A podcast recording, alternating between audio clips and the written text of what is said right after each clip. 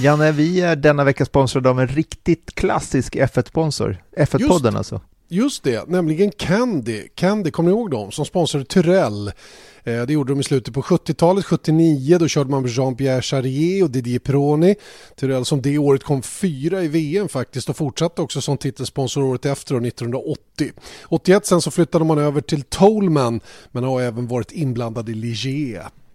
Och när jag var liten och såg de här, och nu var jag liten, jag vet att de gör eh, tvättmaskiner och vitvaror, men när jag såg dem så tyckte jag att det här var riktigt coolt för de var ju sponsrade av godis. Det kunde inte bli bättre. Verkligen inte. Och vet du vad? Det fräckaste av allt det är att du som lyssnar nu faktiskt kan vinna en Candy som är kombinerad tvättmaskin och torktumlare från Bianca-serien. Den här tar 9 kilo tvätt, 6 kilo tork i en och samma maskin, Erik. Ja, och det sjukaste av allt, den är helt kopplad mot internet med wifi och bluetooth så du kan sköta den över din smartphone eller surfplatta. Alltså, och, det, och, och, och, och, den har röststyrning. Alltså, det här är en F1-maskin. Och vi må vara sponsrade, men det är rätt coolt ändå. Det, sen jag började tvätta för, vad var det? Ja, jag ska inte avslöja, jag, jag ska du har inte tvättat än Erik. Nej, det är väl så. Men det har hänt lite saker i alla fall. Onekligen. Ja, vilken cool grej.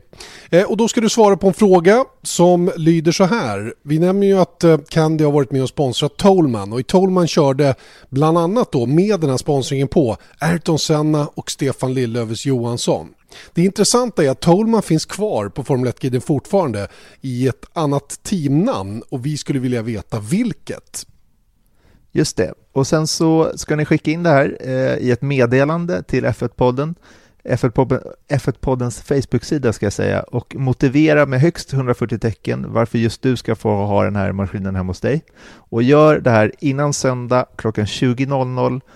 Eh, vad är det för datum? Det blir 3 september va? Det borde det bli ja. För det är då, eh, det är då Italiens Grand Prix går, 3 september, stämmer ja. alldeles korrekt. Du kan fundera lite under Italiens Grand Prix och sen så går in på vår Facebook-sida och och eh, lämnar ditt svar och motiverar det här och så annonserar vi vinnaren på måndag. Oh, tänk vad coolt att få en Candy tvättmaskin som är mm. röststyrd och som man kan köra med telefon eller surfplatta. Det är hur coolt som helst och dessutom har den varit med i Formel 1. Kan inte bli bättre. Nej, jag tror inte det. Det finns väl inga andra tvättmaskiner som har sponsrat Formel 1 va? Viasat Motors F1-podd presenteras av byggvaruhuset Bauhaus.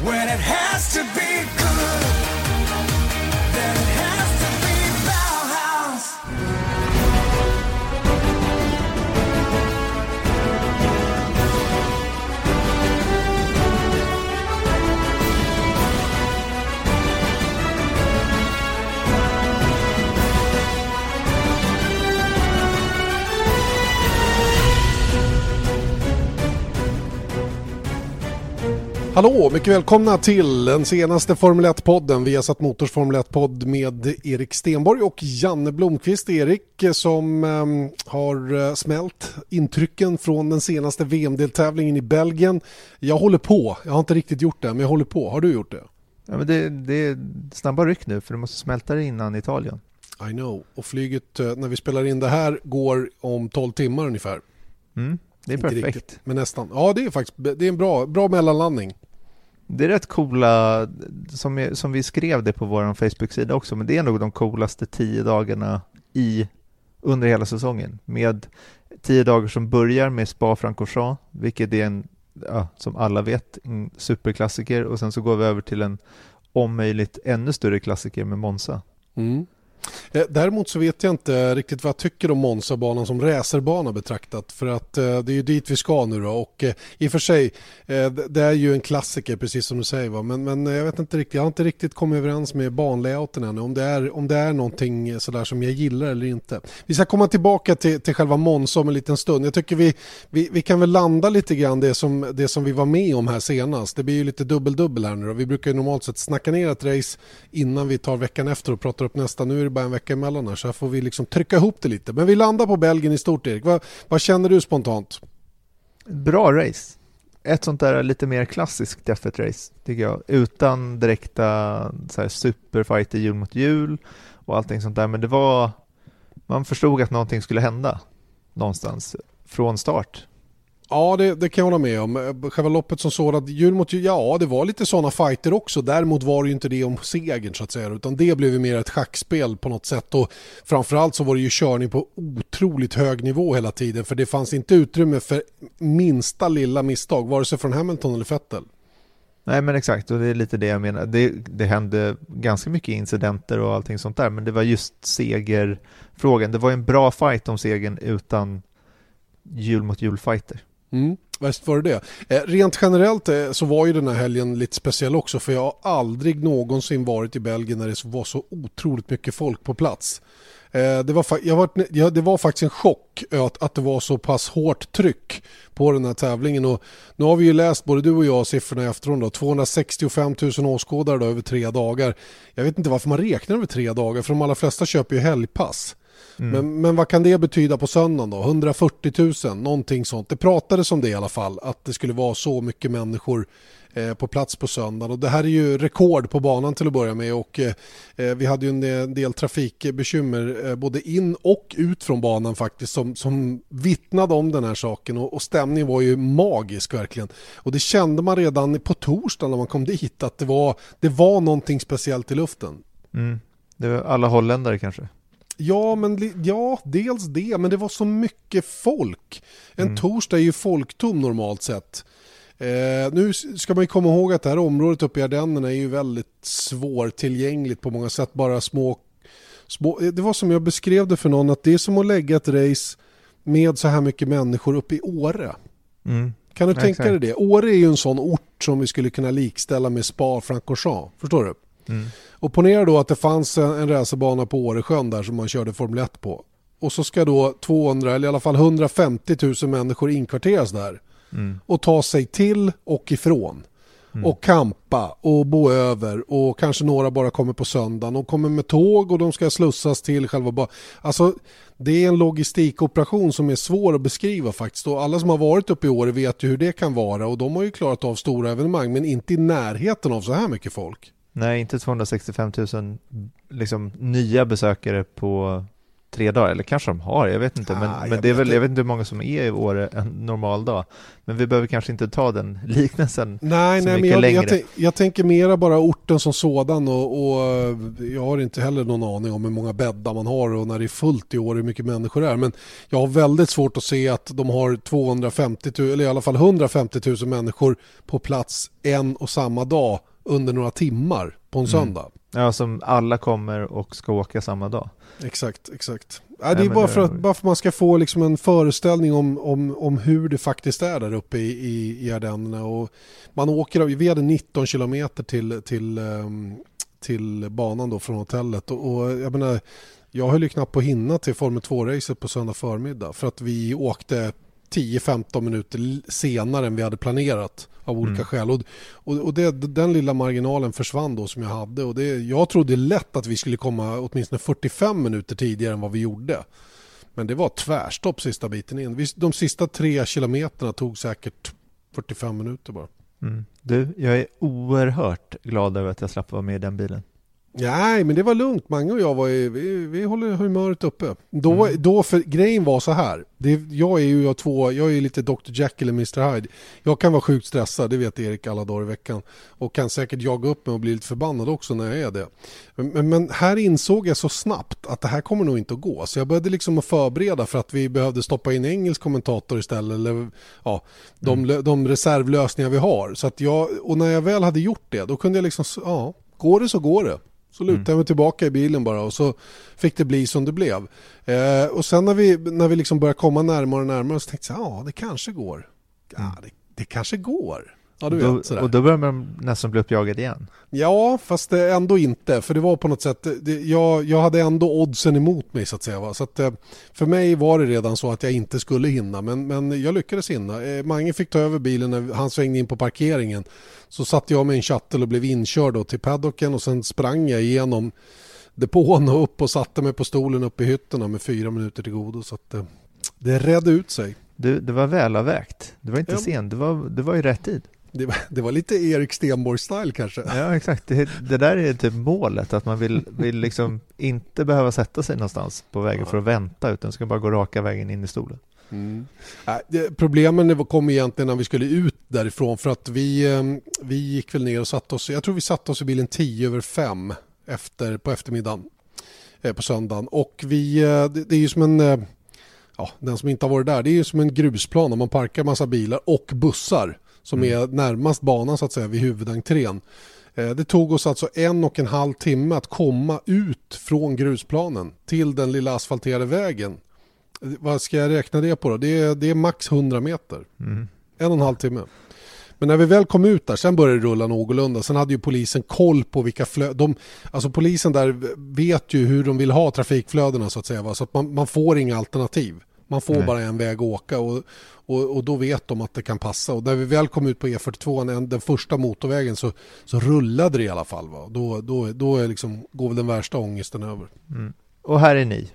Eller, och, här och, och, där sitter du ja, i Uppsala. här sitter jag. Och efter ett försenat flyg hem också från Bryssel för övrigt. Ja, men det är väl lika bra? Ja, det var, det var lika, när vi ändå höll på så var det lika bra. Och, eh, det, men det, det om detta, liksom, Belgien var, det var bra den här helgen. Det, det var orange och det var bra. Och jag tycker nästan lite synd om Stoffel van Dorn faktiskt, för han var ju ändå hemmaförare den här helgen. Det märktes inte.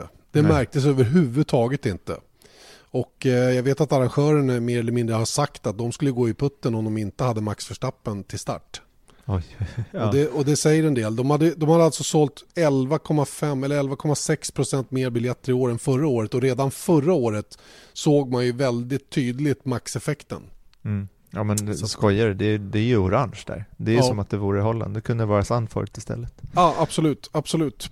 Eh, själva racet och, och, och så eh, slutade ju med att VM, VM-fighten nu eh, eh, fortsätter i allra högsta grad. Hamilton vann och eh, nu är det bara sju poäng som skiljer. Eh, det var hans 200 i Grand Prix och ehm, det passade dessutom på att tangera Schumachers pole-rekord på 68 då under lördagen. Och jag försökte fråga Eje och Rickard lite grann hur stort de tyckte det där var. Mm. Men det var, de nappade inte riktigt. Det var ingen liksom så här... Äh, det har ju varit klart ett tag att han skulle greja så det var väl kanske ingen överraskning på det viset. Men det är ju ändå rätt stort. Ta 68 pole. När, när Schumacher gjorde det, då var det ingen som trodde att skulle, någon skulle kunna ta det där rekordet igen. Nej, men det är lite som man ser på Schumachers segrar nu, 91 stycken. Och vad, vad, var Hamilton på? Han har väl 30 kvar eller någonting sånt? Mm, jag tror, var det inte hans 58? Mm. Ja, men då har han 33 mm kvar då. Mm. Eh, och, Två menar, säsonger, tre säsonger kanske. ja, fast jag undrar det alltså. Nej, jag, det, jag det, jag, det är ett sånt där rekord som kommer bli riktigt svårt alltså. Ja, för att, för att klara att ta 91 eller 92 eller vad det är så, så kräver det att du har så otroligt starkt material över så lång tid. Mm. Och det är ju det som är tricket lite grann. Va? Nu har Hamilton suttit i en väldigt, väldigt bra bil sen, sen, ja, sen 14 då. 12-13 var väl sådär, men 14 då, då blev det ju på riktigt allvar eh, en konkurrenskraftig bil och nu är det ju 14, 15, 16, 17, det är fjärde säsongen då. Ja, men tänk då att han, satt, han tog sin första titel 2008. Mm.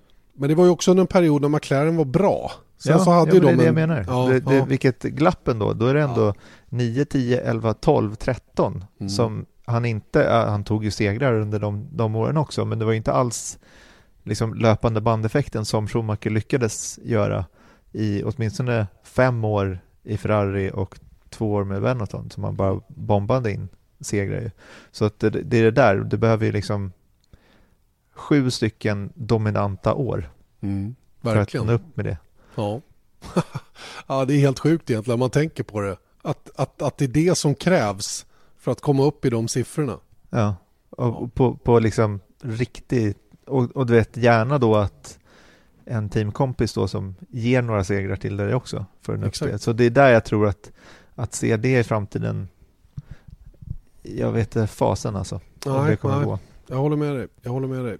Och, ehm, ja, det var överlag en bra helg för Lewis Hamilton som, som gjorde det han kom för att göra. Det som kanske Mercedes, ja i och för sig de hade väl hintat om det själva. Det, var, det visade sig att Ferrari faktiskt hade ett bra paket även på spa.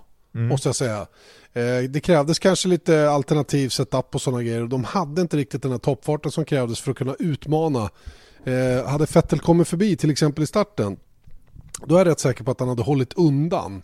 Men jag tror inte han hade den där sista lilla, de, de extra kilometerna i timmen, de, de hade han lagt på något annat ställe på banan för att vara med i kvalet. Mm. Och, och det, det gjorde att han eh, inte orkade klämma sig förbi. Och jag vet inte vad du säger om Hamiltons förklaring där när när han i den andra, eller ja, i omstarten efter säkerhetsbil då eh, faktiskt har motorn i fel läge, fel läge, som man säger, i början på omstarten. Ja. Eh, vilket gör då att Vettel får bra drag på honom genom radion och ut på rakan där. Men, men precis när de går upp för backen efter Rouge, då har han kommit rätt med det här Hamilton och kan trampa på. Men då är Vettel redan för nära. Ja. Alltså från Vettels synvinkel då, och tvingas ut ur slipstreamen alldeles för tidigt. Och när, när, Hamilton då får fart på grejerna, ja då lyckas han ju hålla undan. Va? För att um, han, han, som jag läste mig till så, så var han ju rätt säker på att, um, att Vettel inte skulle attackera tidigt med risk för att bli omattackerad då in i, Kem, eller in i Lucom. Ja, men alltså om man har gjort det, för det var ju någon som sa också, jag, det var första gången som jag hörde det här som du, du sa nu, att han hade fel motorläge. Jag trodde att, för det jag har hört förklaring om att han faktiskt gjorde det med flit, att han höll Vettel liksom för nära. Oh. Så att han inte skulle komma, alltså med flit, att, att han liksom hade den, den uppfattningen så att han kunde liksom låta Fettel komma för nära för att kunna trycka på i slutet av Kemmelraken. Men jag, jag, det låter mycket mer rimligt, det är så din förklaring på det. Ja, fast jag tror att de två sakerna hänger ihop. Jag tror att just det faktum att han hade fel. Say hello to a new era of mental health care. Cerebral is here to help you achieve your mental wellness goals with professional therapy and medication management support. 100% online. You'll experience the all new Cerebral Way, an innovative approach to mental wellness designed around you. You'll get a personalized treatment plan from a therapist, prescriber, or both in a safe and judgment free space. Your cerebral therapist or prescriber will outline a customized plan with clear milestones along the way so you can get to feeling your best. With Cerebral, you're not alone in your mental health journey. We're here to empower you to live a fulfilling life. So take that first step towards a brighter future and sign up today at cerebral.com slash podcast and use code ACasts to get 15% off your first month. Offer only valid on monthly plans. Other exclusions may apply. Offer ends July 31st, 2024. See site for details. Gjorde att han upptäckte att åka på 90% trottel eller hur nu mycket det nu var eh, blev ett alternativ för honom. Och, men det är ju det som är så kvicktänkt av Hamilton att, att, att uppfatta den situationen och sen få det till sin egen fördel. Ja. Det är det som är coolt. För, för han, var, han sa ju det också att jag höll inte full gas för att han ville hålla fetten så nära som möjligt. Men det kom ju liksom i ett senare skede där. Mm. Ja. För, det, för det Fettel vill, det är ju ner för backen, ha lite avstånd och sen upp för backen så ska han komma in i suget och sen ska han liksom slinga sig förbi då. Mm. Det är ju det som är tanken att han, att han eh, kanske sista 200 meterna innan Le kom, då ska han vara förbi och kunna glida in och ta spåret så att säga in i chikanen som kommer efter. Mm. Nu, eh, nu kom han ju upp så, så han var tvungen att gå ur slipstream redan vid DRS-linjen typ.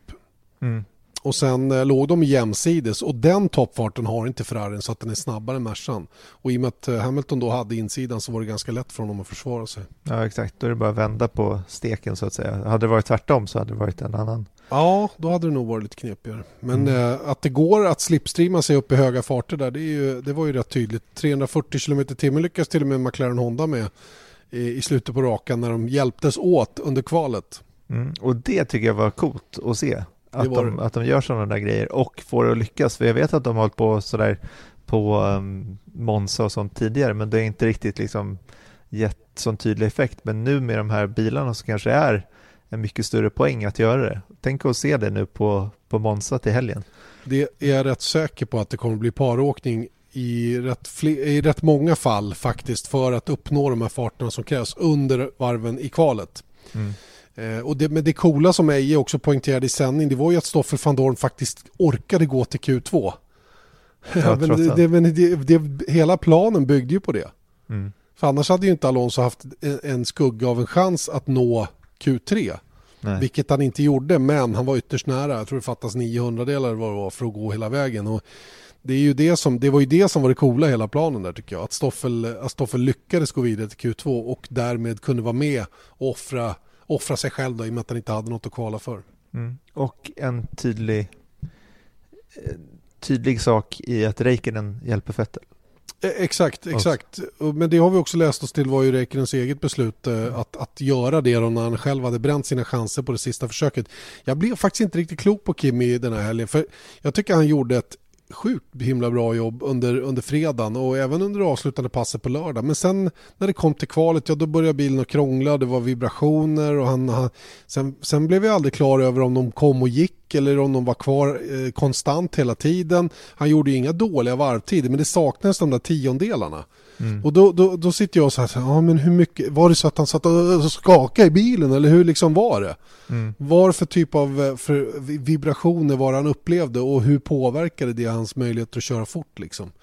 Eh, sen man fattade aldrig heller om det var däcken eller om det var något med om, det, om, om fjädringen hamnade i, då, i fel eh, frekvens eller vad, jag vet inte, fattar inte. Nej, De... ja, men så, jag tror att, alltså, ingen aning. Jag, jag har i för för nu kan jag inte säga det här längre, att jag har inte kört F1-bil. Men jag har gjort det. Nej, men inte på den nivån, men jag gissar då att det här marginalerna man pratar om är ju, du vet, tappa på sju kilometer tappar du två tiondelar. Mm. Och det känns såklart för dem, men alltså ja, nej, det, det, det, är ju alltså, supermänniskor på något sätt att de, eh, att de känner sådana här små skillnader. Mm. Det, ja, det, det, eh, jag vet inte ens vad man kan säga om den saken.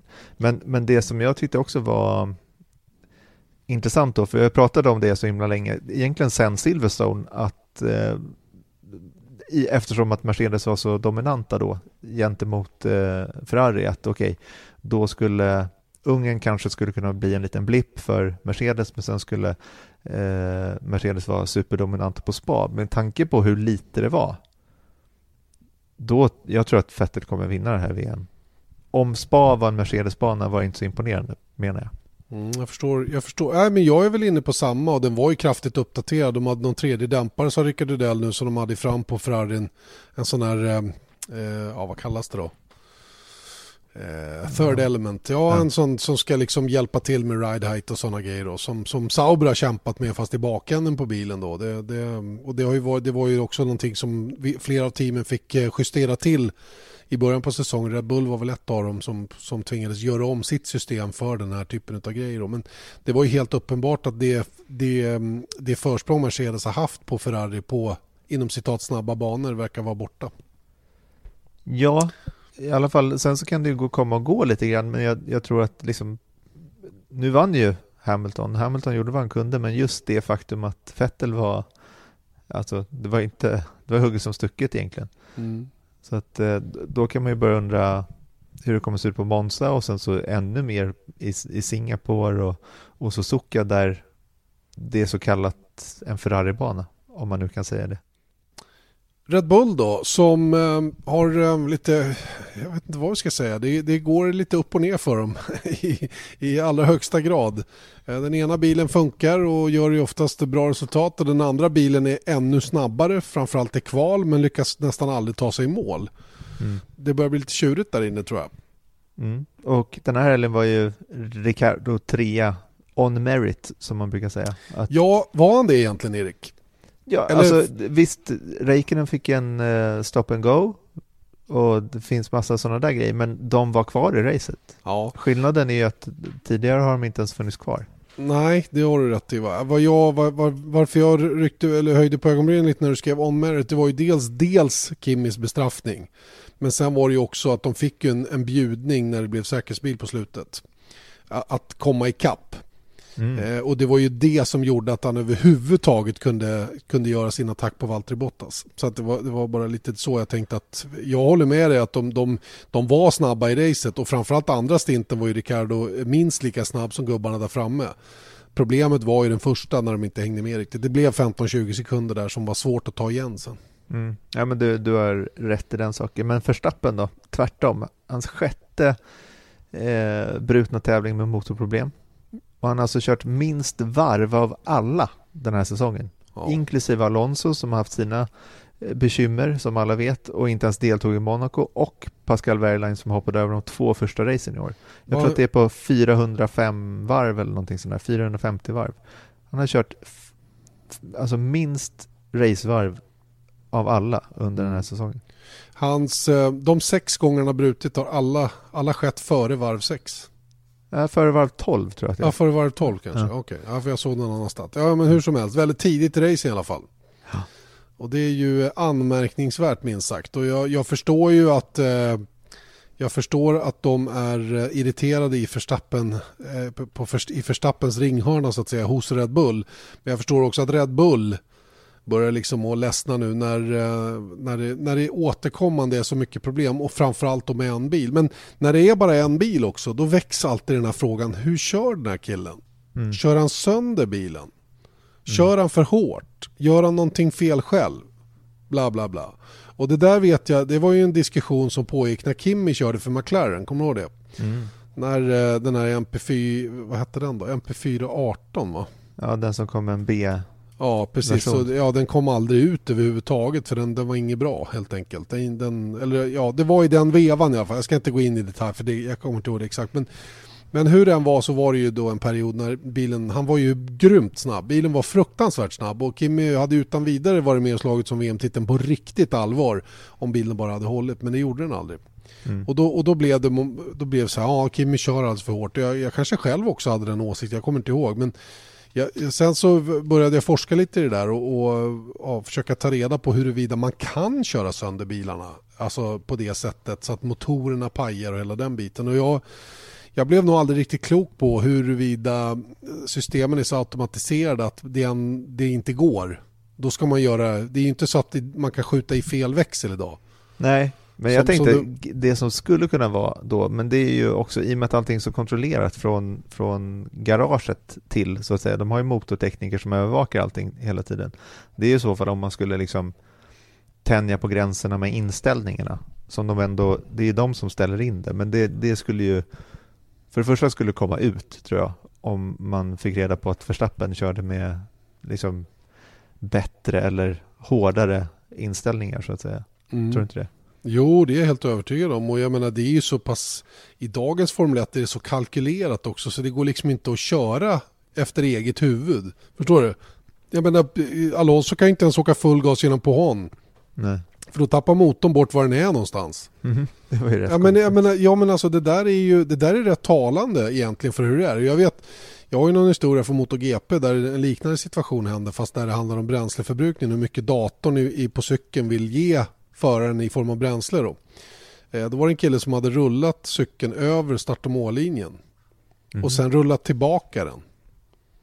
Datorn på cykeln uppfattade det som att han hade kört ett varv Mhm. och sen ställt upp. Vilket betydde att han gav ju honom bensin för ett varv mindre än vad Jaha. racet var. Så det slutade med att han fick bensinstopp.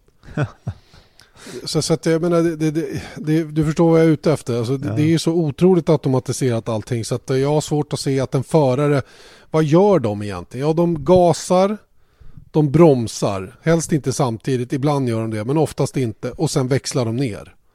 Det är, Just vad de gör, det är vad de gör med fötter och händer så att säga. Va? Sen så eh, kan de då få i örat reda på att eh, kör eh, mix 5, diff 8, eh, bromsbalans D och D. Typ. Så det, det, vad, vad, vad skulle de kunna göra i cockpit som gjorde att motorn slog ifrån som den gjorde nu? Mm. Nej, motorn är ju svår. Det är Ja. skillnad om man kör sönder mot curbs eller Det är en annan grej. det är en saker. annan grej. Hjulupphängningar och sådana saker, att man är vårdslös mot bilen i det avseendet. Va? Men, det är en annan pryl. Va? Men när det gäller just motorn så, så för det är ju den som är det, det stora problemet. Mm. Så då, jag, jag kan inte se att man, att, man, eh, att man kan köra sönder bilen på det sättet som jag förstår att en del tror och, och an, ja, gissar på sker.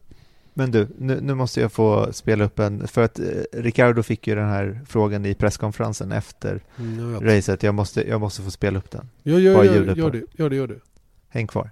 Ja, vi hänger kvar. I certainly uh, I do a lot of things with my driving style, which are very nice to the car. I actually talk to it a lot during the race. Um, I massage it. I wouldn't call it foreplay, but it's something like that. Um, and Max is young; he's aggressive. He goes straight in. So Ja. det är magiskt. Det är så roligt det där så att jag tror jag dör. Det är ju, det, och det är så Daniel Ricciardo också i ett nötskal verkligen. Ja, det är ingen annan som skulle kunna säga det där. Tänk dig, jag tror att Hylkenberg är en sån som skulle vilja dra till med sådana grejer, men då skulle alla bli superobekväma tror jag. Exakt. Att vi ändå skulle... pratar om ganska känsliga saker. Så. Nej, Hylkenberg skulle definitivt inte ro hem det där. Utan det är bara Ricardo som kan göra det. Ja, det är kul. Riktigt, mm. riktigt kul. Men vi, ska vi avfärda teorin om att man kan köra sönder bilen med andra ord? Ja, om vi inte lyssnar på Ricardo såklart. Ja, jo, men, då, det är, men det, det, är, det är mer känsla att man måste hålla bilen på humör. Ja, exakt. Det är kanske är det som krävs. Ja, om, kanske... om man sitter och masserar, det kanske händer någonting psykologiskt.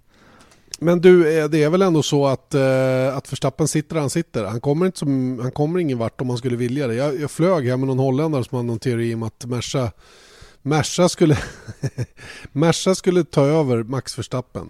Och sen skulle de leverera motorer till Red Bull. Mm. Ja, eller hur? Jag sa att jag inte riktigt trodde på det. För jag, jag, kan inte riktigt se att Mercedes skulle våga eller vilja leverera motorer till Red Bull. För den, den pucken har ju varit uppe förut. Ja. Nåväl, jag tror att uh, Verstappen nog blir tvungen att köra ett år till. Sen får vi se vad som händer efter 19 då. Men jag, eh, jag åkte faktiskt shuttle med hans, eh, hans manager. Eh, som alltså då inte är Jos Verstappen utan en annan kille som finns med i hans management. Och de, de, det märks att de är irriterade. De tycker inte det här är något roligt. Va? Det här var ju en highlight på deras säsong. Jag menar hur mycket kepsar de har sålt. Alltså, det, måste ha bara, det, det måste ha bara snurrat i, i, i kassamaskinen hela helgen. Mm. Och så får han bryta innan de ens har kört, eh, ja, blev det, en fjärdedel av racet. Ja, men jag, jag, tror samtidigt att, så här, för jag vet, apropå, du tog ett exempel med Räikkönen där, och jag menar, det var ju samma snack, var det inte i fjol med eh, Hamilton och att Hamilton bröt hela tiden ja, med, med, problem. Liksom. Och det, jag menar, det är ju så, att jag tror inte att det är, ibland har man bara otur. Ja, och det är inte frågan om att det är andra mekaniker på bilen. För det var ju en, en, ett snackis då. Med Hamilton minns jag att de hade roterat manskapet och, och att det skulle då påverka så att säga hur, hur, väl förberedd bilen är. Ja, mekaniskt kan det säkert om, om en, eh, en bult eller en skruv, eller, men inte på motorn. Inte Nej. på motorn. Det är, det är andra grejer i sånt fall som, det, som slarv så att säga kan kosta Eh, kan kosta ett race då. Jag vet mm. inte hur det var till exempel för Pascal Wehrlein i helgen med, med någon anti-rollbar som inte funkade som den skulle. Det var därför han tvingades bryta att någon hade missat sätta fast någonting eller vad det var. Jag kommer inte ihåg. Eller jag vet inte exakt. Hur men vadå, misstag händer men jag menar, jag, jag, jag tror inte att, eh, jag, ibland har man otur och ibland händer misstag men jag tror att liksom jag, jag, kan förstå att det är frustrerande. Speciellt när han ser hur, hur Ricardo levererar. Men alla liksom former av konspirationsteorier är i det här fallet tror jag väldigt eh, orimliga. Han har ju dessbättre Max Verstappen ett ganska gott renommé. På kontot har han ju så att han behöver inte vara orolig för sitt anseende ännu. Men, eh, men eh, jag menar, minnet är kort och eh, jag menar, man kan inte leva på gamla meriter för länge. Va? Så det är klart att han vill prestera. Han vill ha färska härliga resultat. För snart dyker upp någon annan som, som, som äh, gör saker som ingen liksom, ja, bättre än någon annan och då, då hamnar man ju tvåa helt plötsligt. Va? Och det, där, det gäller liksom att smida medan järnet är varmt för det är ju verkligen en, en klyscha som stämmer stämmer överens med vad som händer i Formel 1. Mm, och det handlar om att spinna saker så att säga PR-mässigt. Att, jag, jag, jag tror att folk har fått det väldigt tydligt över att det är inte Max Verstappens fel på sättet han eh, kommunicerar och eh, han får teamet att kommunicera runt också. Subtle results, still you, but with fewer lines. Botox Cosmetic, out of botulinum toxin A, is a prescription medicine used to temporarily make moderate to severe frown lines, crow's feet, and forehead lines look better in adults. Effects of Botox Cosmetic may spread hours to weeks after injection, causing serious symptoms. Alert your doctor right away as difficulty swallowing, speaking, breathing, eye problems, or muscle weakness may be a sign of a life threatening condition. Patients with these conditions before injection are at highest risk. Don't receive Botox Cosmetic if you have a skin infection. Side effects may include allergic reactions, injection site pain, headache, eyebrow and eyelid drooping, and eyelid swelling. Allergic reactions can include rash, welts, asthma symptoms, and dizziness. Tell your doctor about medical history, muscle or nerve conditions, including ALS or Lou Gehrig's disease, myasthenia myasthenia gravis, or Lambert Eaton syndrome and medications, including botulinum toxins, as these may increase the risk of serious side effects. For full safety information, visit BotoxCosmetic.com or call 877 351 0300. See for yourself at BotoxCosmetic.com. Vilket för oss in på lyssnarfrågan. Just Tycker det. jag. Det gör det faktiskt väldigt, väldigt tydligt. Så att vi tar väl och lyssnar på den på en gång. Hallå grabbar. Eh, Jag undrar vad er åsikt är kring eh, Alonsos konstanta klagande på bilen eh, under race. Det var bra. Lyssnarfrågan där. Um, Amr Salic, med respekt för uttalet här. Amr Salic var det som ställde den här frågan. Hur är det egentligen med Fernando Alonso och hans gnällande?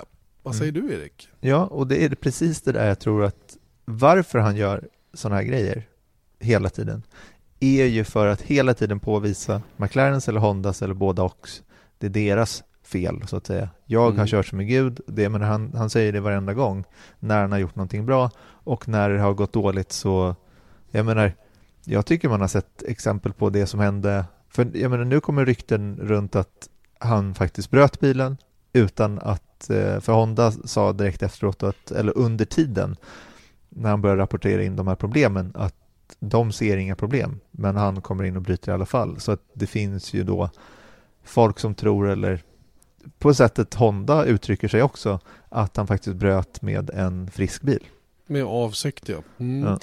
Och eh, jag läste Gary Anderssons eh, lilla dom över racet här. Det var ju roligt på många andra sätt. På, även på en annan historia som vi kommer till alldeles strax. Men, men just det här faktumet att, att det verkar som att Alonso parkerade en frisk bil så som han skriver. Det är ju det är inte bra alltså. Inte för teammoral, inte för någonting. Och, jag, är, jag är helt överens med Erik om, om, om att det här är retorik från, från Alonsos sida. Det har nästan alltid varit det när det gäller honom. att när han eh, uttalar sig, för han tror inte Alonso vet att alla sitter och lyssnar när han säger embarrassing, really embarrassing på radion.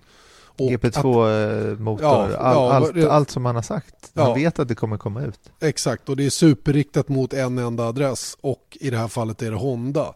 Eh, och på något sätt så trodde jag att, att de var lite kompisar igen men, men eh, det, det här, det, att, att bli utsatt för det han blev utsatt för i helgen, att, att eh, kvala sig upp, för, för det var ju också ett sätt att visa hur skicklig han är. Att kvala in 11 med den där bilen, när i racet sen så är man nowhere. Mm. Och, och det var också en intressant grej som Gary Andersson skrev. Han förstod inte riktigt hur, hur McLaren och Honda hade tänkt. För de hade ju bultat på så mycket downforce som de, som de kunde i stort sett för att, för att vara så snabba som möjligt på, på, på, inom citat, för deras del rätt ställe på banan, det vill säga sektor 2. Men var ju då hopplöst efter i, i sektor 1 och 3. Eh, samma diskussion egentligen som Sauber för varenda helg, hur mycket downforce man ska ha och så vidare. Va? Och han tyckte det var lite knepigt hur de hade tänkt. Men, men eh, oavsett det så var ju Hamilton, eller eh, Alonso var ju en, en eh, han, var ju, han hade inte en chans helt enkelt i söndags att, att ta sig varken åt ena eller andra hållet. Och jag förstod att han, att han ville bryta men jag vet inte om han med den lönen som han har från Honda har rätt att agera på det sättet ur ett moraliskt perspektiv. Jag pratar inte om någonting annat. Eh, har, man, har man det? Är, det? är det korrekt mot en arbetsgivare som faktiskt lägger gigantiska pengar på att han ska köra? Att, att agera på det viset? Om man nu kan bevisa att han ställde en frisk bil i garaget. Alltså, jag, jag har läst det här någon gång tidigare under säsongen att han till och med har det på något sätt i sitt avtal på något vis att om det är tydligt att han inte nej men att han antingen att han har det i sitt avtal eller att han på något sätt har att han spelar ut sitt avtal mot Honda också Mm, mm. för att han då inte kommer i mål eh, och inte tar x antal poäng eller någonting sånt där. Det kanske kan leda till någonting annat sätt. Det är konspirationsteorier för det tror jag ingen vet någonting om. Men jag tycker att det är en oerhört konstig... eh, Jag förstår inte varför han gör det. För att jag menar att bryta några varv från mål hela tiden, eller hela tiden, men när det väl sker. Jag, jag ser liksom ingen eh, poäng och det är just den här grejen att om han ändå ligger, han, han låg ju inte tvärsist ett halvt varv ef- efter. Men vad då? Tänk om någon eh, bryter eller fyra stycken går ihop, det har hänt. Ja. Och då är han ju borta Ja. Ja. med flit. Jag tycker att det är, jag tycker det är en självklar fråga att du bryter inte förrän teamet säger åt att göra det. Nej. Sen, sen, var det väl lite radiotrafik som indikerade att uh, okej, okay, we retired the car. We, we stop and retire the car eller vad det stod. Alltså, det var någon som hade skickat med en utskrift av radiotrafik. Så, och det där vet väl teamet om också att det är väl bra om de säger någonting sånt innan. För, mm. av, av, av just de skälen du anger. Men jag kan ändå inte tycka att det är helt okej okay att göra det. För han sitter ju inte i den där bilen for free om man säger så.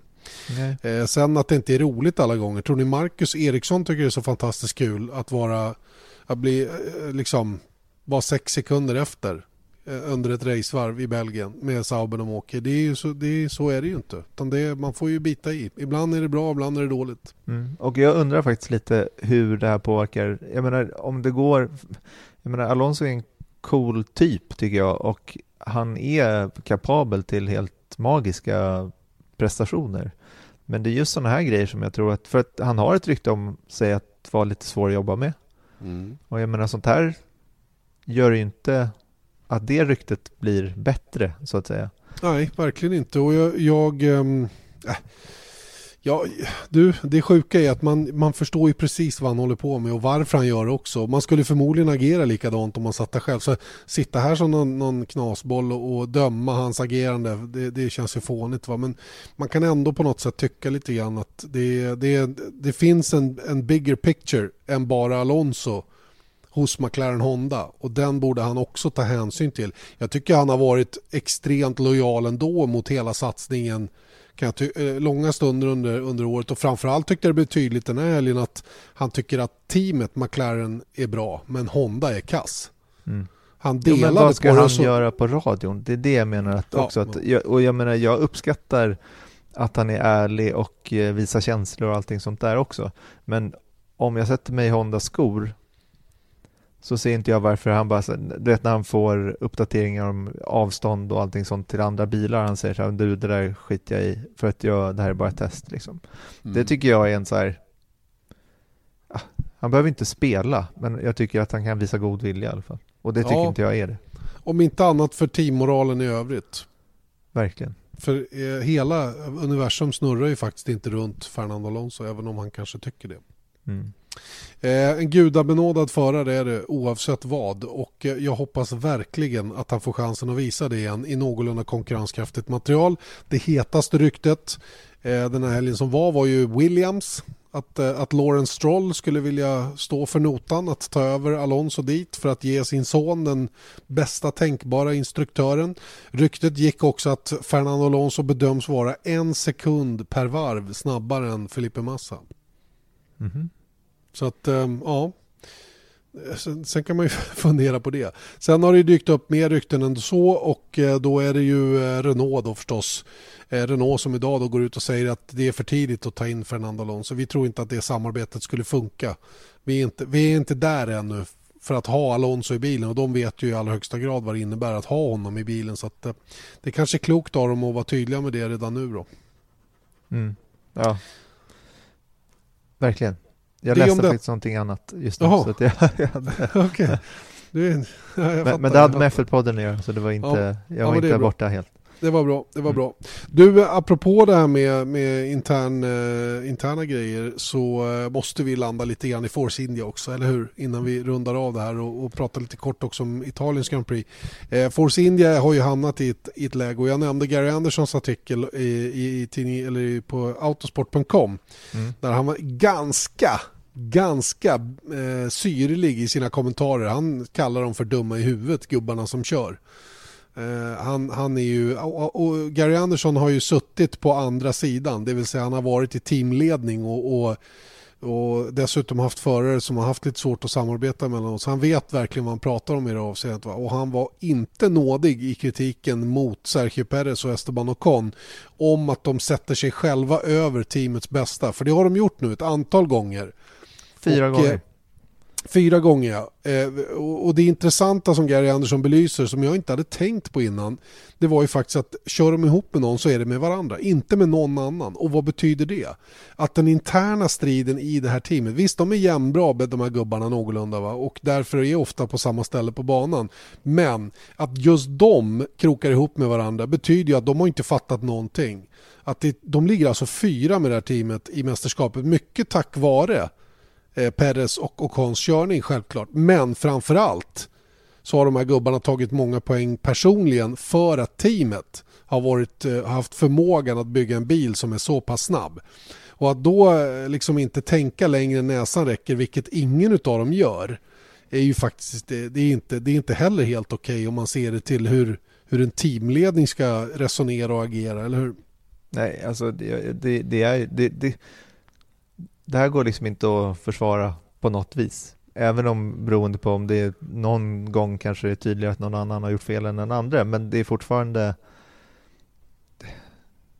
de tar det ju alldeles för långt. Det är ju ingen snack om saken. Nej. Ta, det, det... ta hela skeendet till och, från start upp i uh, Oroge där.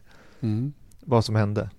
Eh, första gången var ju, första svängen är ju nerför backen direkt efter start eh, och då är det ju lite otur tror jag som gör att de krokar ihop. För eh, det är så att Perez han kör ut ur Lasurs och eh, har sedan en bil på utsidan som han måste hålla koll på. Han tittar på den bilen mer för han tror inte han räknar med att någon ska vara på insidan upp mot muren. Eh, men där är Esteban Ocon. Mm. Och eh, när, när Perez då ja, och gör evasive action, alltså flyttar sig lite in mot mitten så blir det ingen plats över till Ocon som går i muren där och eh, skrubbar fälgen emot. Och, ja, det, det kunde ha blivit en flygkrasch som Gary Andersson uttryckte det och det, det håller jag verkligen med om. Så det var första gången. Sen var det ju nästa gång, då, då eh, har de precis varit i depån bägge två och lagt på nya däck. Och, och och Ocon är redan där irriterad över att Perez fick komma in tidigare. Perez som i det läget Eh, vid det depåstoppet hade ett fem sekunders tidsstraff dessutom. Så de, teamet trodde inte att Perez skulle kunna vara ute för men han gjorde något fruktansvärt bra varv direkt efter stoppet. Mm. Och det innebar att när Ocon sen blev inkallad enligt sin plan så kom han ut bakom Perez. Sen körde de om varandra några gånger. Sista gången det skedde så är Perez, dyker på insidan in i Lasurs, eh, kommer för långt ut och Con ska försöka kontra. Ner för backen mot Orouge och då, eh, då eh, när de kommer Perez nätt framför Ocon och kom på insidan upp mot muren igen då så, så blir det touch. Eh, Perez stänger dörren lite grann inåt höger och eh, Ocon får ingen plats. Framvingen touchar Perez bakdäck som punkterar och framvingen på Ocons bil går sönder. Mm. Eh, katastrof för teamet bara helt och hållet. Båda två var ju gott och väl på väg mot poängplats eh, i det här racet och det hade varit toppen för Force India som team betraktat. Eh, och eh, det här blev ju någonting som jag tänkte på, eh, speciellt med tanke på att Kim Räikkönen hade åkt dit för gul flagg tidigare i racet. Så tyckte jag det var en hård bedömning att det inte delades ut någon, någon bestraffning överhuvudtaget för den här incidenten. Men så, så träffade jag Mika Salo på kvällen och frågade hur de hade tänkt och då sa han någonting som gjorde att jag faktiskt, okej okay, fine, jag köper det. Det var ju faktiskt att Ocon var på, ut, på insidan men när han var så pass högt uppe så att han var, ja, så att han var i närheten av Perez bil, då var han nästan, ja, var med hela högra hjulparet utanför banan. För det är ju en mm. vit rand där, en, en, ett vitt eh, banmarkering. Och det är ju för att muren sen drar sig in mot det här vita strecket så till slut så finns det ingen plats att åka utanför det vita strecket. Och det är ju när det händer att det, det, det inte finns plats längre, det är då Ocon eh, försöker att få plats och, och Perez touchar hans framvinge. Mm. Och, och, det, och det Mika Salo menade det var att Ocon borde ha förutsett det här. Förutsett att det skulle hända och backat ur situationen. Eftersom man började försöka köra om med halva bilen utanför banan. Mm. Och den förklaringen den, den var rimlig för mig så jag, jag köper den. Och det, det, det, här är någonting som jag har tänkt på sista tre, ja, fyra månader, för, säg sista halvåret. Att det här, med, det här med att förutse vad som ska hända efter. Mm. Det, det har blivit någonting som för mig kännetecknar en riktigt, riktigt stark förare. Eh, visst, det är coolt att dyka och, och sticka in näsan i tid och otid och hela den grejen. Va? Men, men att förutse vad som ska hända efter att man har gjort det. Det är det som visar på om man är klassförare eller inte tycker jag. Så man, man har den racecraften så man liksom kan, kan läsa ett par sekvenser till. Och där blev det lite tokigt för Ocon i alla fall ner för backen. Och båda fick ju betala priset och teamet är jättearga på dem nu och hotar med eh, avstängning om det händer igen. Mm. Och såklart båda tycker att de hade rätt. Eh, ja, helt oväntat. Ja. Nej, men det, och det, det är det där också, och där tror jag att reglementet är lite konstigt igen, och det här har vi pratat om tidigare också, men det är just det där att man är så inställd nu på att man måste lämna plats hela tiden. Så den, den föraren som jagar tänker så här, om jag bara stoppar in min bil här nu, då måste de lämna mm. plats.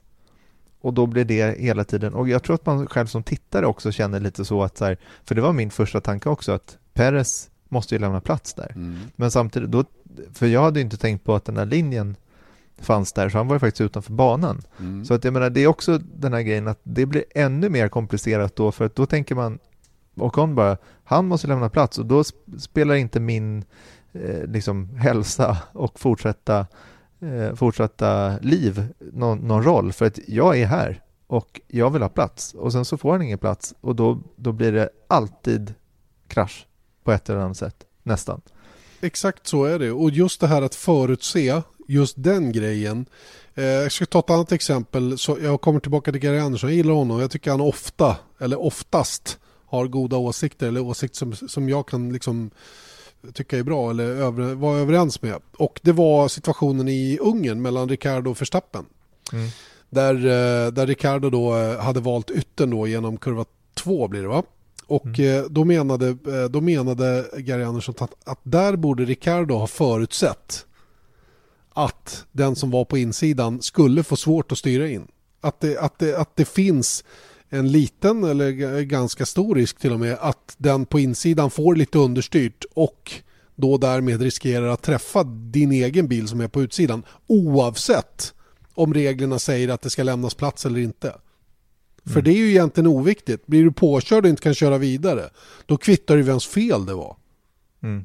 Eller hur? Ja. Du får inte tillbaka det racet. Nej, samtidigt så kan jag tycka att den bedömningen är lite mera eh, skakig än det som skedde runt Ocon och Perez. Just av den anledningen att här, ja, i, i och för sig, det är fortfarande, han borde också känna sin teamkamrat så pass så att han vet att Verstappen kommer och det var ju det han var så arg på efter, efter racet och säger att den där killen han såg så... att det var jag som på väg om och då, då gör han vad som helst för att jag inte ska komma om.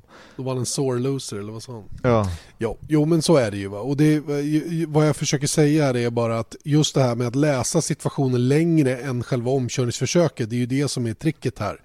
Eh, och, Con, eh, och, Con, eh, och det var därför jag köpte förklaringen som Mika Salo hade att Ocon borde ha backat tillbaka där. Han borde ha insett att det här kommer inte att gå.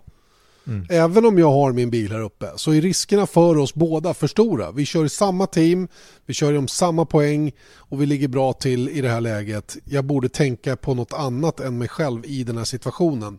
Och, och det är det där som är så svårt att jämka tror jag mellan två förare och hur teamet tänker.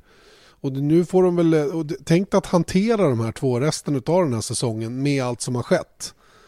Och, mm. och eh, massa sa saker som är sagda i affekt och vad det nu är för någonting.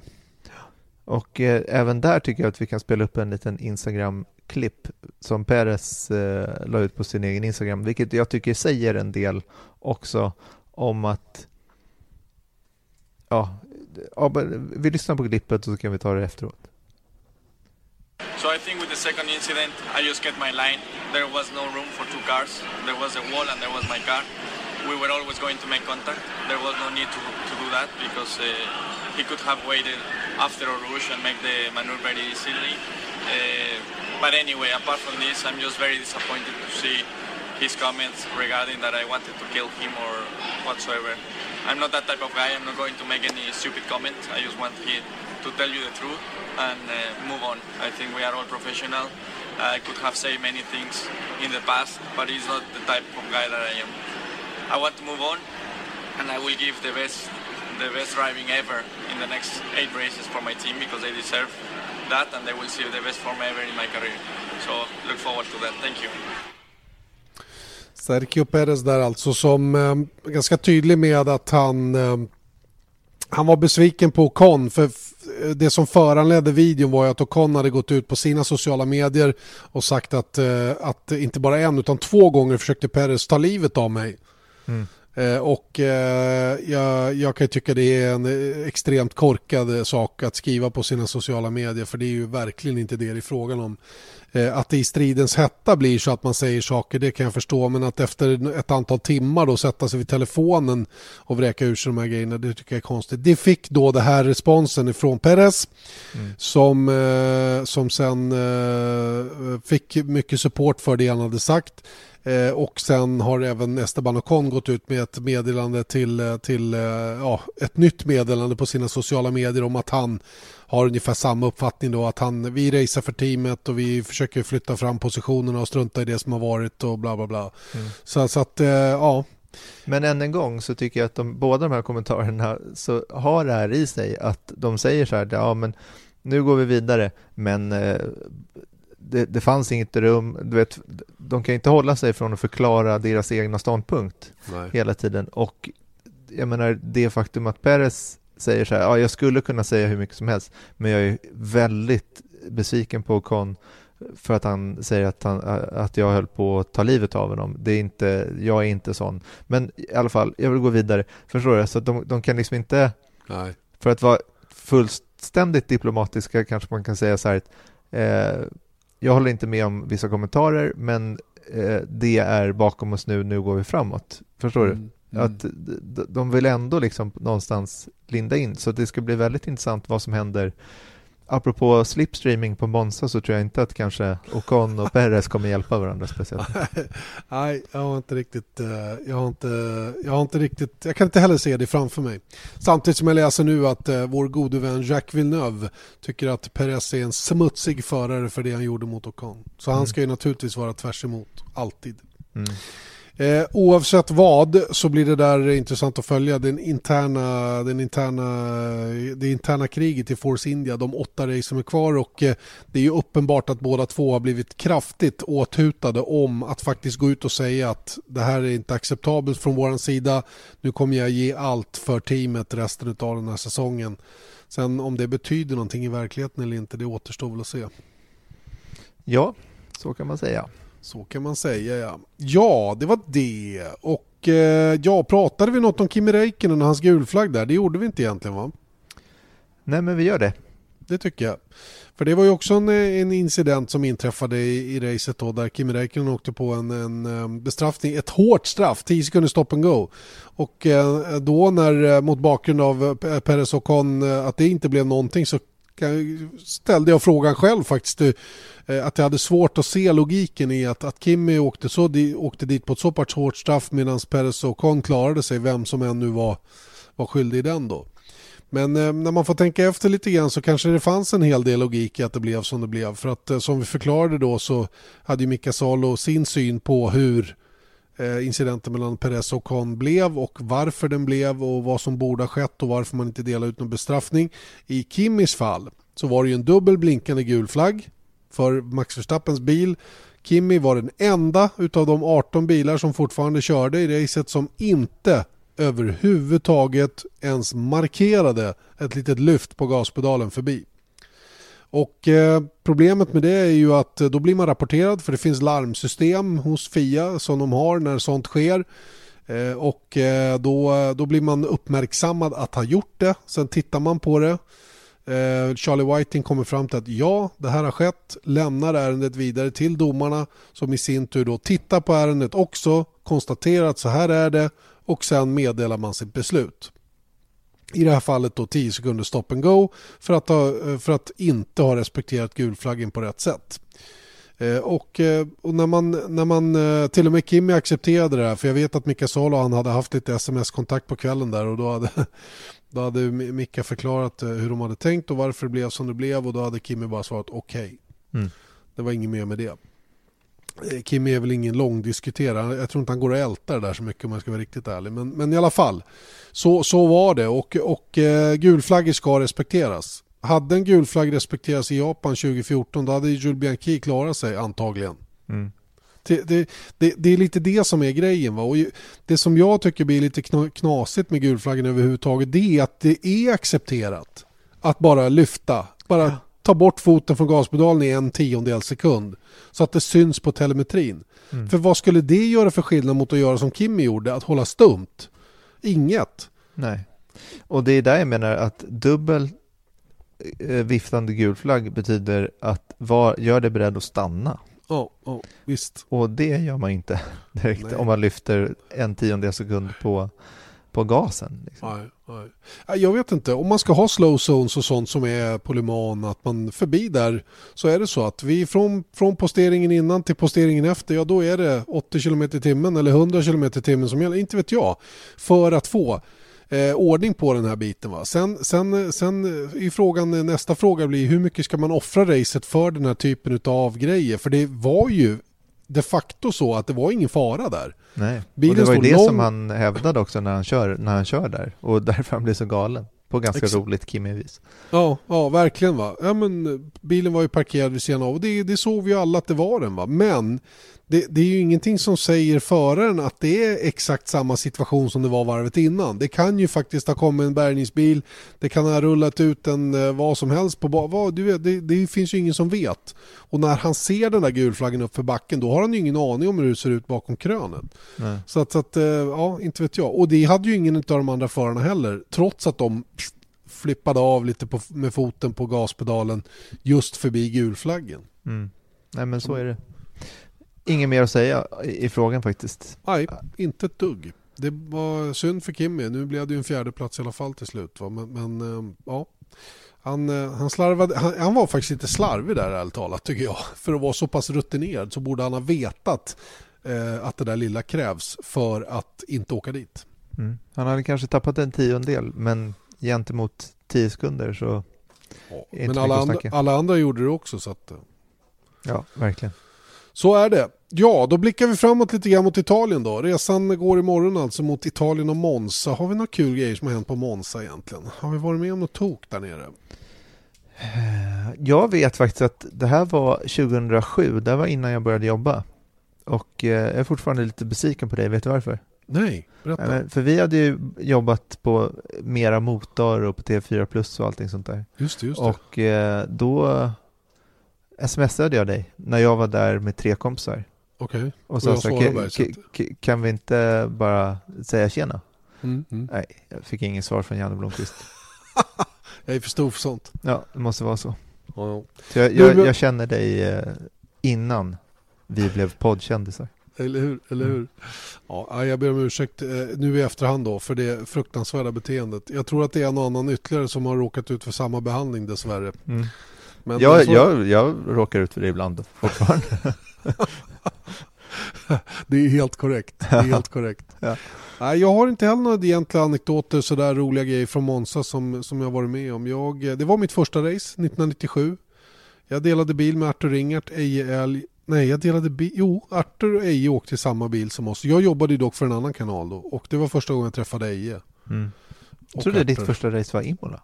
Nej, det var det första jag gjorde, refererade. Men ja, det första jag gjorde on site var i september 97. Då, då fick jag för första gången komma till ett race på plats. Mm. Träffade jag Sylvester Stallone och Bernie Ecclestone och alla människor på en gång där. Det var en stor helg. Ja, men det, jag tycker faktiskt att Monza, jag kan till viss del hålla med om bansträckningen att den inte är så, men det, det är just det där skillnaden mellan Monza och Monaco till exempel. Det är det som jag tycker, sammansättningen av en F1-kalender, där hör Monza fortfarande hemma och det är banne mig en magisk plats tycker jag. För jag har gjort det alla gånger när jag varit där så jag har sprungit eller cyklat runt banan på mm. onsdagen eller torsdagen och när det är tyst och liksom man ser, det är ganska slitet och man ser de här skyltarna, man ser den gamla ovalen och man ser liksom, man ser att det har stått, du vet, så här, Campari eller Martini eller vad det nu är eh, längs vägen där och det är alldeles tyst och man, man kan höra liksom mm. motorer från svunna tider på något sätt för Exakt. att vara lite poetisk men det, det finns där någonstans och ja. att besöka, det är mitt favoritrace förutom, jag, jag tror jag sagt alla banor snart. Ja, alla banor snart säkert men jag tycker Monza är en sån där bucket list-bana tycker jag, att se F1 på Monza a need to do. Mm. Mer så Bra. än spa faktiskt. Mm. Du, eh, tippar vi något vettigt? Det gjorde Ja, det är jätte... noll- Jo, jo, jo, jo. Nej, det var nej. superkul. Det var superkul. Fan också. Du tog två poäng ser jag. Ja, jag tippade nämligen att Hamilton skulle ta pole och han skulle vinna och Räikkönen skulle ta snabbaste varv. Nu var det Vettel som tog snabbaste varv, så nästan en halv poäng kan jag tycka, men Ja, ja. jag, jag, jag, jag lämnade det där. Och sen så Mm. tog du eh, Bottas, Bottas och sen så Hamilton som snabbaste varv. Ja. Så nu står det ju tio lika. Det här är ju Ja. hur spännande som helst. Ja, jag tycker vi lägger ner. Nej, men du, du får ju vänta tills du ligger under i alla fall. Ja, okej. Nytt varvrekord för övrigt, det snabbaste varvet av Sebastian Vettel. Mm. Mycket imponerande. Andra gången den här säsongen vi har ett nytt varvrekord. Första gången fick jag lära mig vara i Monaco. Mm. Och vet du vad? Nej. I, nu på Monza kan det där eh, snabbaste varvet någonsin Jaha, är det så pass? eh, Ja, det kan det göra. ligger i eh, riskzonen nu. Jag tror det var Montoya va? Ja, på- just det. Jag vet inte snittfarten men jag tror att han var uppe i 268 eller 58 eller något sånt. mm, någonting så. Men eh, de, drar ju, de har ju lite mer luftmotstånd de här bilarna så vi får se om de orkar med det. Men fort kommer det gå i alla fall. I the Cathedral of Speed som Monza kallas. Mm. Eh, så hur tippar du då? Snabbt. Eh, du får faktiskt Får jag för den här? Mm. Nej men då, då, den här gången kör jag stenhårt på rött. Det blir Fettel, Fettel, Fettel. Oj, oj, oj, oj, oj. Och analysen bakom där? Det finns Eh, är ingen? att, jo, det gör det. Dels tror jag att de eh, kommer extremt väl förberedda till hemmaracet. Jag tror att Fettel eh, kommer att ha den där lilla turen den här gången. Han kommer att ta det där kvalvarvet som gör att han kan ta kommandot. Och eh, efter det sen så, eh, så kommer de inte nå honom. Det, det går inte att köra kapp varandra på den här banan. Så eh, jag tror att det är så det kommer att bli. Mhm. Fettel, Fettel, Fettel.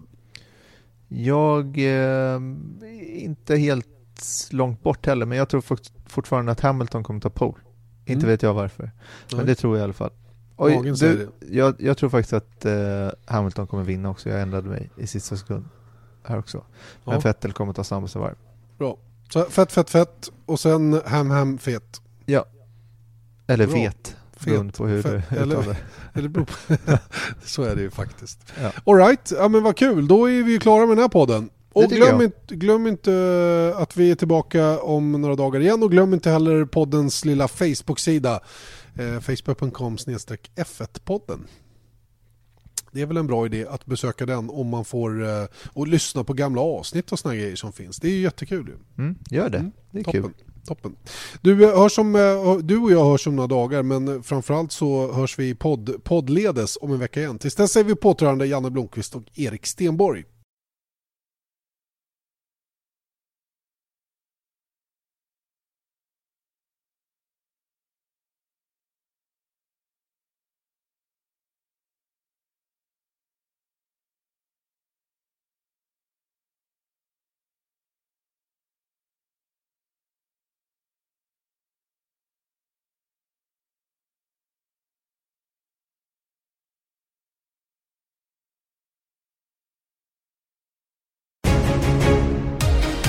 Vesat Motors F1-podd presenterades av byggvaruhuset Bauhaus.